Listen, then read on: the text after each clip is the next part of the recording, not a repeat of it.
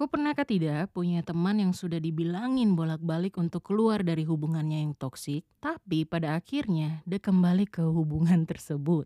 Padahal kamu orang tuh sudah sampai bentak dia lah, bata dia lah, bicara dia berkali-kali sampai mungkin deh yang curhat ke kamu orang sampai menangis keluar ingus sampai ingus tuh dia kembali masuk lagi ke hidung. Tapi pada akhirnya dia balik ke hubungan toksik tersebut. Ada yang namanya trauma bonding. Ketika tindak pelecehan dan kekerasan dipadukan dengan kebaikan serta keintiman yang pada akhirnya menjadi lingkaran setan untuk seseorang sampai dia itu mau keluar dari sebuah hubungan yang toksik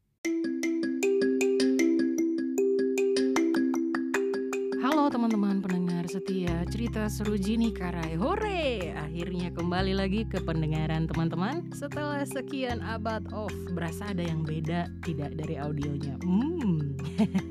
Akhirnya Jini Karai mengganti mic dengan yang lebih pro Biar pendengarannya teman-teman bisa dimanjakan di podcast ini Mengingat ih sedikit lagi keterong akan tutup tahun 2022 Jini Karai mau ngucapin terima kasih buat kamu orang para pendengar podcast cerita seru Jini Karai alias CSJK yang begitu setia menemani hingga kita orang sedikit lagi selompat di tahun 2023. Apa pun yang akan dihadapi di akhir 2022 dan 2023 pokoknya yakin perkara tantangannya yang banyak di depan atau berkat yang di depan itu Tuhan so atur masing-masing dengan tiap-tiapnya sempat lihat kelas balik podcast ini selama tahun 2022 dan senang sekali bahwa podcast ini sudah keliling dunia daripada kreatornya which is saya. Terima kasih nih untuk teman-teman di Indonesia, Amerika, dan Malaysia yang sudah menjadi tiga negara besar yang menikmati podcast ini. Tidak menyangka loh saya tuh bahwa podcast ini bisa tetap menggunakan dialek lokal Papua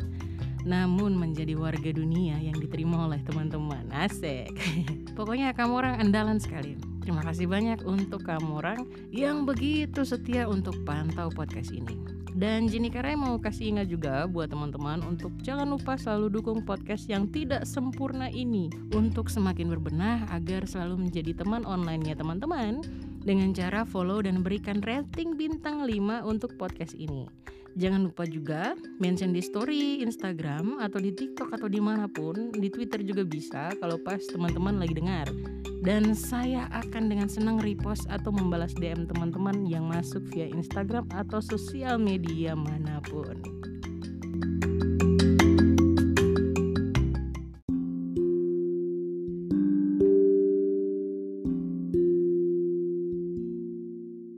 Oke, bicara tentang kita orang punya topik kali ini temanya sungguh sangat menarik dan membuat penasaran.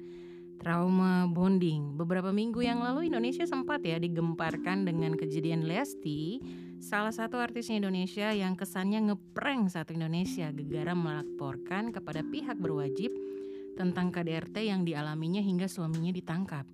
Eh, tidak lama kemudian si Lesti sendiri nih yang mencabut laporan tersebut dan reunite kembali bersama suaminya itu yang dia laporkan ngebuat KDRT gitu. Kisah Lesti ini bukan hal yang baru ya teman-teman, pasti di sekeliling teman-teman ada kejadian serupa, tidak harus sudah menikah suami istri, tapi bisa dalam bentuk relasi pacaran misalnya ataupun hubungan FWB atau apa pun itu, bahkan di dalam keluarga juga bisa loh.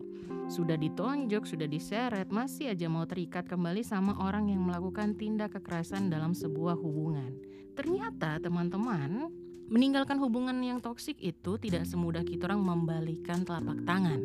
Mungkin kok akan bilang, ah dia susah kitimo, harusnya tongjang bodok, atau kok bisa ngejat secara langsung bahwa itu tindakan yang harusnya sedari awal sudah bisa dihindari. Cuma teman-teman, kita orang ini kan ada di luar hubungan tersebut Makanya orang itu bisa netral dan melihat bahwa itu hubungan yang tidak logis.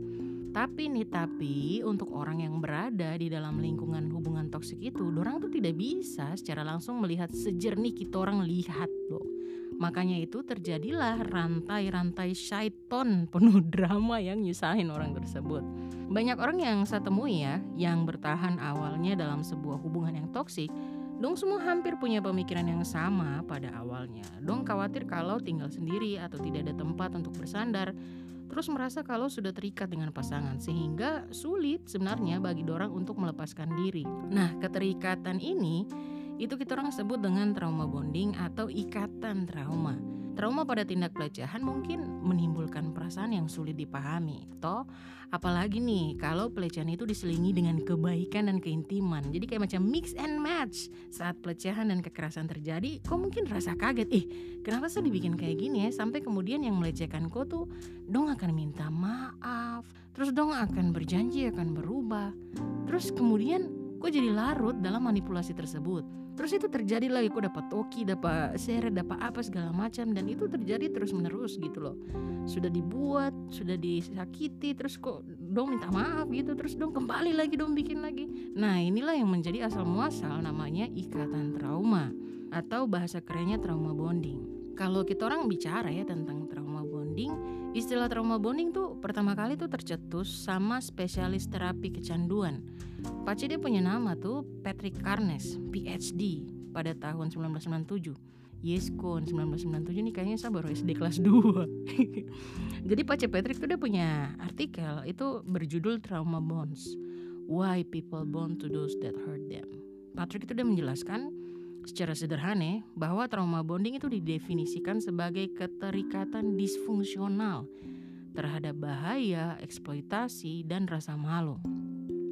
Patrick itu udah menganggap ketiganya itu sebagai reaksi terhadap situasi traumatis. Dan trauma bonding itu udah terbentuk dari hubungan antara pihak yang abusif dengan individu yang menjadi korban. Yang abusif itu yang melakukan kekerasan ya. Kondisi ini biasa terjadi waktu korban mulai mengembangkan rasa simpati atau kasih sayang yang ditunjukkan kepada pelaku. Kau bayangkan aku dapat toki berkosa yang dia Yii, tidak tidak tidak. Dengan demikian trauma bonding tuh menjadi alasan mengapa meninggalkan situasi yang sangat toksik terasa tuh membebani dan membingungkan dan membangunkan gitu loh. Karena di satu sisi kok sayang dia terus dia sakiti kok terus dia janji kok dia berubah terus dia kasih kok love bombing misalnya dia sayang kok dia cukup jalan-jalan. Bahkan mungkin kamu punya bahasa-bahasa apa ya kalau saya bilang tuh uh, panggilan-panggilan sosit-sosit gitu.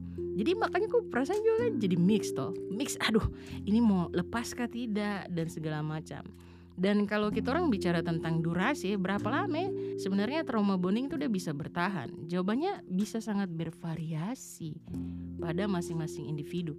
Ada yang berhari-hari, berminggu-minggu, berbulan-bulan. Karenanya tuh korban korban itu udah semakin merasa terikat dan tergantung sama pelaku. Beberapa hubungan yang abusif itu sering kali diikuti dengan pola pelecehan yang kemudian disusul dengan fase penyesalan atau penguatan positif. Kayak macam orang apa ya, orang punya kepribadian double-double gitu. Nanti tuh dapat sayang terus tuh dapat kekerasan dan itu berlanjut terus. Jadi maksudnya setelah pelaku dia melakukan tindakan kasar dia juga mungkin akan berjanji untuk berubah dan tidak melakukan hal yang buruk lagi. Tapi kemudian dia bikin lagi. Begitu terus begitu terus. Nah fase ini itu memberikan secerca harapan kepada korban dengan asumsi sang pelaku tuh akan benar-benar berubah menjadi lebih baik gitu. Dan ada yang menarik nih sebenarnya teman-teman. Penelitian dalam International Journal of Psychology Research di tahun 2013 itu mengemukakan beberapa situasi yang dapat memicu terjadinya trauma bonding. Di antaranya itu ada beberapa. Ini saya sebutkan ada kekerasan dalam rumah tangga, pelecehan pada anak, pelecehan pada orang tua, incest atau hubungan sedara, perdagangan manusia, penculikan atau penyanderaan, pekerjaan yang sifatnya eksploitatif, ekstremisme, dan aliran sesat. Makanya kalau teman-teman kamu orang lihat di Netflix misalnya di dokumenter-dokumenter gitu, kenapa ada anak-anak kecil yang dibawa diculik sama penculiknya, tapi dia terikat sekali dengan penculiknya sampai tidak mau melarikan diri. Atau kenapa ada aliran-aliran sesat yang orang-orangnya tuh semuanya tuh terikat banget gitu Ternyata yaitu karena ada namanya trauma bonding. Sama halnya dengan isu kesehatan mental lain ya. Trauma bonding tuh kita orang tidak bisa anggap remeh loh. Meskipun pelakunya tuh adalah orang yang terdekat sekalipun gitu. Bukan berarti dorang tuh punya wewenang untuk melukai mental seseorang dengan perilaku yang abusive. Trauma bonding itu udah punya tanda-tanda tuh ada loh dalam sebuah hubungan. Mari kita lihat. Yang pertama, Kok mengabaikan red flag karena terpikat hal-hal manis dalam hubungan. Menurut salah seorang psikolog, dia punya nama Nadine Makaluso, Ikatan trauma itu dimulai dengan adanya janji cinta, rasa percaya, dan rasa aman. Selama fase awal hubungan, biasanya seseorang tuh tertipu oleh topeng kepercayaan diri, dominasi, dan karisma pasangannya yang bisa buat dia tuh percaya kalau dia tuh akan dicintai dan dilindungi ketika seseorang itu udah terikat dengan dia punya pasangan, otomatis tubuhnya tuh akan melepaskan senyawa kimia yang menciptakan perasaan bahagia seperti dopamin dan oksitosin. Tapi dalam kasus trauma bonding, ikatan ini tuh dapat buat dia tuh kecanduan kepada pelaku. Dia jadi bergairah dan menyingkirkan dia punya intuisi bahwa ini tuh sudah red flags banyak tapi dia tuh menggagalkan dan menyingkirkan semuanya itu. Di titik inilah itu si pelaku mungkin memikat dengan menggunakan taktik psikologis tertentu. Entah itu berbohong, memanipulasi, menipu atau love bombing. Love bombing itu kayak di, kok dikasih hadiah lah, dikasih perhatian, dikasih sayang. Pokoknya perhatian yang berlebihan dan kemudian Tara, kok dapat toki lagi. Jadi dong itu bisa baik tapi kemudian dong kasarin kok secara brutal. Dorang bisa saja bawakan kok hadiah sebut kok sebagai dorang belahan jiwa kak. Cinta sejati kak. Kam dua mungkin punya panggilan khusus terus ada ajak kok keluar untuk bersantai dan segala macam. Dan otomatis kalau kok di titik itu dan siapa pun di titik itu pasti akan sangat membingungkan dan meluluhkan gitu loh. Kayak macam one day you come and you love me and then the next day kamu sangat dingin gitu. Akhirnya rasa cinta itu menutupi kau punya rasa takut akan pelecehan selanjutnya. Saat perlahan mendapatkan kembali rasa percaya kau mungkin mengabaikan atau menekan ingatan tentang perilaku masa lalunya dorang sampai siklus itu dimulai kembali. Jadi kayak lingkaran setan toh hmm. itu yang pertama. Yang kedua kau punya energi tuh terasa terkuras. Jadi meskipun hubungan yang tercipta karena trauma bonding itu pasti punya momen-momen bahagia juga ya. Tapi tetap saja sebagian besar hubungan itu akan buat seseorang tuh merasa hidup dalam tanda kutip kan. Sebaliknya dia hanya akan merasa dia punya energi itu terkuras. Makanya kalau kamu lihat ya ada banyak orang yang ketika dalam hubungan yang toksik dia pemuka tuh jadi kayak macam mendadak tua. Kayak mendadak kayak orang yang punya masalah gitu Ya karena itu, karena itulah makanya energinya tuh banyak terkuras. Bukan cuma energi berpikir tapi secara psikologis juga tertekan, secara fisik juga disakiti. Nanti pas sudah keluar atau sudah putus baru deh dorong kembali punya muka cerah ceria seperti tidak pernah ada awan hitam yang menggelantung. Yang ketiga, tidak bisa jadi diri sendiri dan cenderung menyimpan rahasia. Nah, teman-teman, dalam trauma bonding itu ada sebuah pola perilaku menindas yang dimaksudkan untuk mengendalikan seseorang dan menghilangkan rasa percaya dirinya dorang atau orang-orang psikologis itu dong sebut sebagai kontrol koersif. Nah, kontrol koersif ini dia itu dapat mencakup isolasi langsung atau tidak langsung. Misalkan teman dan keluarga korban itu dong akan menjauhkan diri karena sutra tahan dengan pelaku punya kelakuan misalnya. Atau sudah dibicarain banyak-banyak tapi dicuekin akhirnya dong juga ah sudahlah dong kasih tinggal lagi ada tentang perampasan, ada pemantauan atau menginterogasi korban, membatasi akses keuangan itu paling ngeri hingga melakukan pelecehan fisik serta emosional. Nah, korban dari hubungan trauma bonding ini mungkin akan mulai memandang cinta melalui rasa sakit. Oleh karena itu, dia mengabaikan tindakan kasar pasangannya. Karena pada akhirnya dia pikir bahwa it's okay dan it's normal kalau kau tuh disayang dan kau disakiti. Ah, berasa familiar ke tidak? Banyak tuh, pasti kamu pernah ketemu atau tidak ada orang-orang di sekeliling kamu orang yang kalau dia terpukulku berarti dia tersayang kok. Hmm, hati-hati mau kok. Korban juga mungkin menyimpan sisi dirinya mereka yang sebenarnya dari hubungan tersebut.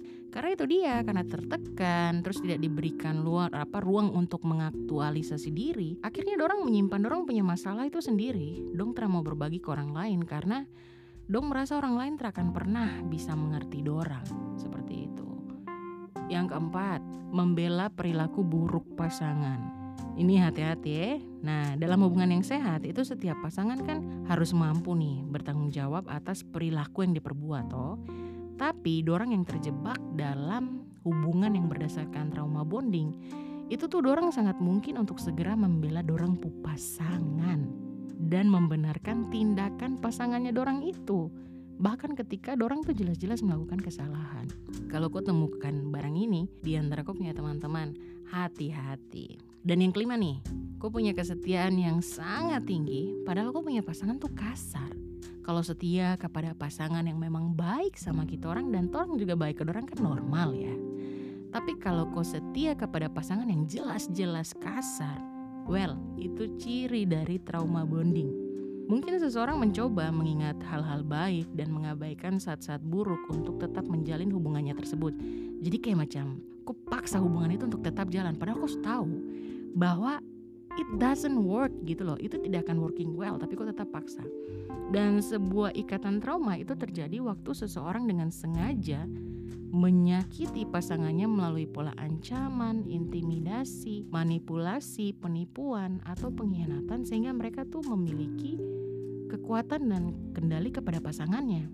Pasangannya pun tetap setia kepada pelaku meskipun merasa takut, sakit secara emosional dan tertekan. Ngeri toh? Ih, ngeri sekali. Nah, jadi itu dia tadi lima tanda bahwa kau tuh ada di dalam hubungan yang trauma bonding gitu. Satu hal yang harus diingat ya teman-teman bahwa hubungan yang lahir dengan trauma bonding itu bisa membahayakan apa pun bagi tiap pasangan gitu. Tidak pernah orang yang ada dalam hubungan trauma bonding itu baik-baik saja. Itu akan selalu membahayakan. Dan ketika kau sudah lihat gejala-gejala, tanda-tanda red flagsnya tadi, tahap selanjutnya yang sebaiknya kita orang tempuh adalah kita orang nih harus menarik diri dari siklus yang tidak sehat itu. Nah, individu yang sudah terlanjur menjadi korban mungkin dong akan merasa terbebani dan membutuhkan waktu lebih lama untuk mengembalikan situasi dan menstabilkan dong punya psikis. Ini ada beberapa masukan yang sebaiknya dilakukan teman-teman yang berada dalam hubungan trauma bonding menurut National Domestic Violence Hotline. Di antaranya itu ada tiga. Yang pertama, kok harus mulai berpikirlah realistis terhadap perilaku abusif pelaku dan merenungkan dampak negatif yang dapat mempengaruhi kok punya kondisi mental. Yang kedua, kok harus berlatih self-talk yang positif untuk menguatkan penghargaan diri sendiri. Makanya teman-teman kalau lihat orang-orang yang bermasalah ya dalam hal ini selalu dianjurkan untuk mendekatkan diri kepada Tuhan, mendekatkan diri kepada agama, harus banyak baca Alkitab atau Al-Quran atau kitab suci agar bahasa-bahasa atau Alkitab-Alkitab atau ayat-ayat yang positif itu itu membantu mereka untuk self talk yang positif gitu. Dan yang ketiga, mempraktikkan perawatan diri seperti bermeditasi, olahraga, bahkan melakukan hobi yang positif atau sekedar berbagi cerita dengan keluarga, kerabat, dan teman-teman yang dapat dipercaya tentunya. Ketiga poin ini sebenarnya mungkin tidak bisa mengcover secara keseluruhan cara kita tuh untuk bisa keluar dari trauma bonding gitu. Karena pada akhirnya ya teman-teman ngomong tentang relationship itu ngomong tentang decision. Ketika kamu mengiyakan, maka kamu mengiyakan untuk disakiti terus-menerus. Tapi ketika kamu menghentikan dan mengambil keputusan untuk tidak, maka pada saat itu juga kamu tuh akan keluar dari hubungan-hubungan yang tidak jelas dan toksik-toksik ini. Izinkan saya menutup episode ini dengan membaca salah satu Alkitab, ayat Alkitab kesukaannya saya di kitab Yesaya pasal 43 ayat 4 versi BIMK nih bahasa Indonesia masa kini. Dia punya ayat tuh bunyinya begini. Engkau berharga di mataku. Aku menghargai dan mengasihi engkau. Maka aku berikan manusia sebagai gantimu, bangsa-bangsa sebagai ganti nyawamu. Teman-teman, apa pun yang terjadi dalam kau punya hidup, segelap apa pun itu, sejelek apa pun itu, serusak apa pun itu, kau itu tetap berharga di mata Tuhan. Bahkan tidak pernah kadarnya kau punya harga itu berkurang. You are loved, you are precious. Masih ada waktu, masih ada kesempatan untuk keluar. Masih ada kesempatan untuk memulai hidup yang baru. Dan tidak pernah ada kata terlambat. So, sampai di sini dulu teman-teman podcast cerita seru Jini Karai. Ingat anak-anak kalau kau merasa berada dalam hubungan trauma bonding ini dan merasa begitu terbebani secara emosional dan psikologis, jangan pernah ragu untuk meminta bantuan ahli. Kalau kamu orang ingat, kamu punya orang-orang yang mungkin ada saat ini lagi struggle dalam hubungan yang toksik atau trauma bonding, jangan lupa untuk bagikan podcast ini buat orang. Siapa tahu dengan dengar podcast ini adalah cara untuk membantu dorang untuk keluar dari hubungan toksik. Oke teman-teman, saya Jenny Karai, pamit dari pendengaran teman-teman. Sampai bertemu di episode berikutnya. Bye.